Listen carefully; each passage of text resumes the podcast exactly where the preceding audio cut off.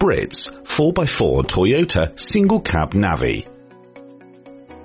The Navi is built by Travelstar in Knysna and is a luxurious 4x4 vehicle, perfect for fun and adventure.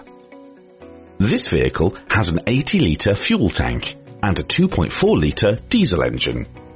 The Navi has one spare tyre, two safety belts, ABS brakes, central locking and power steering for your safety and comfort.